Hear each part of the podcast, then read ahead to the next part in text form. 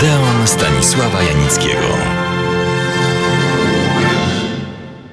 Dzisiaj kontynuują opowieść o Louis Fejadzie, twórcy seriali filmowych w kinach. Było to 100 lat temu. Jak wiemy, tę formę przejęła przede wszystkim telewizja.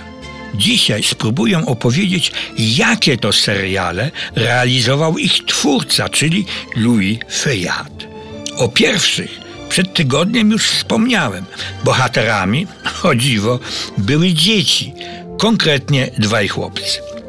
Następny serial Louis Feuillada był trochę nietypowy, bo poszczególne filmy łączyła przede wszystkim szeroko pojęta daleka przeszłość. Tytuły poszczególnych filmów mówią za siebie. Prometeusz, siedem grzechów głównych, narodzenie Jezusa, Eksodus, rzymska orgia, chrześcijanie rzuceni lwom na pożarcie, czy najefektowniejszy upadek Bizancjum. Wszystkie te filmy charakteryzował rozmach dynamicznej akcji i precyzyjna inscenizacja i, co niezwykłe na tamte lata, walory estetyczne. Louis Feuillade tak o tym mówił. Kinematograf przemawia do ludzkich oczu poprzez grę światła, tonacji, cechy kompozycji. Dlaczego film nie potrafiłby dostarczyć wzruszeń, jakie płyną z płótna Mieta czy fresku de Chavannes? Przypomnę, wtedy, kiedy Feuillade to mówił i wcielał w życie, dziesiąta muza miała zaledwie kilkanaście lat. Następny serial był całkowitym zaprzeczeniem cyklu historycznego. Już sam tytuł takie jest życie, mówi, jakie to były filmy, a sam ich twórca, Louis Feuillade, nazywał rzecz po imieniu. Filmy cyklu nie przypominają nic, co do tej pory produkowali różni producenci na świecie. Są to próby realizmu po raz pierwszy przeniesionego na ekran. Sceny chcą być i są wycinkami z życia. Odrzucają fantazję, przedstawiają ludzi i sprawy takimi, jakimi są, nie zaś takimi, jakimi powinny być. Oto tytuły niektórych filmów. Dzielni ludzie, losy matek, skaza, karzeł, ułomności, obsesja czy most nad przepaścią. Po latach pisano, uderza umiejętność tworzenia przez Fejada odpowiedniego nastroju emocjonalnego, niepokoju, lęku, współczucia, przerażenia, ulgi.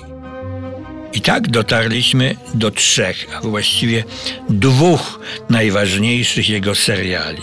Są nimi Fantomas, Wampiry i Judex. Najpierw o Fantomasie. Kim był Fantomas? Słowo to oznacza ducha, upiór, zjawę. Zacytuję panią Grażynę Stachówno ze znakomitej, wieloautorskiej historii kina niemego. Fantomas był cesarzem zbrodni i geniuszem zła.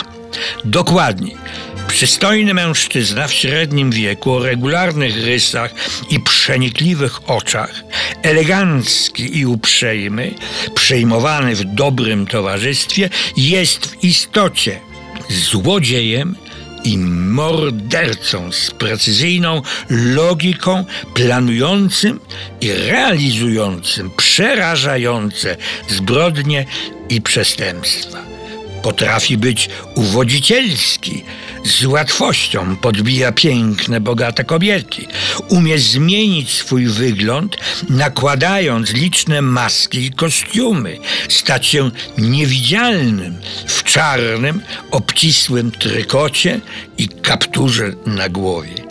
Jego głównymi wrogami są inspektor policji Żyd owładnięty zrozumiałą manią schwytania Fantomasa i dziennikarz Fandor, który w gazecie La Capitale opisuje jego wyczyny. Scenariusze są skomplikowane, ale precyzyjnie zbudowane. Narracja płynna i logiczna. Sukces filmu w Fantomasie był ogromny i nie ma się czemu dziwić. Do Fantomasa filmowcy jeszcze nie raz wracali lub wręcz nawiązywali.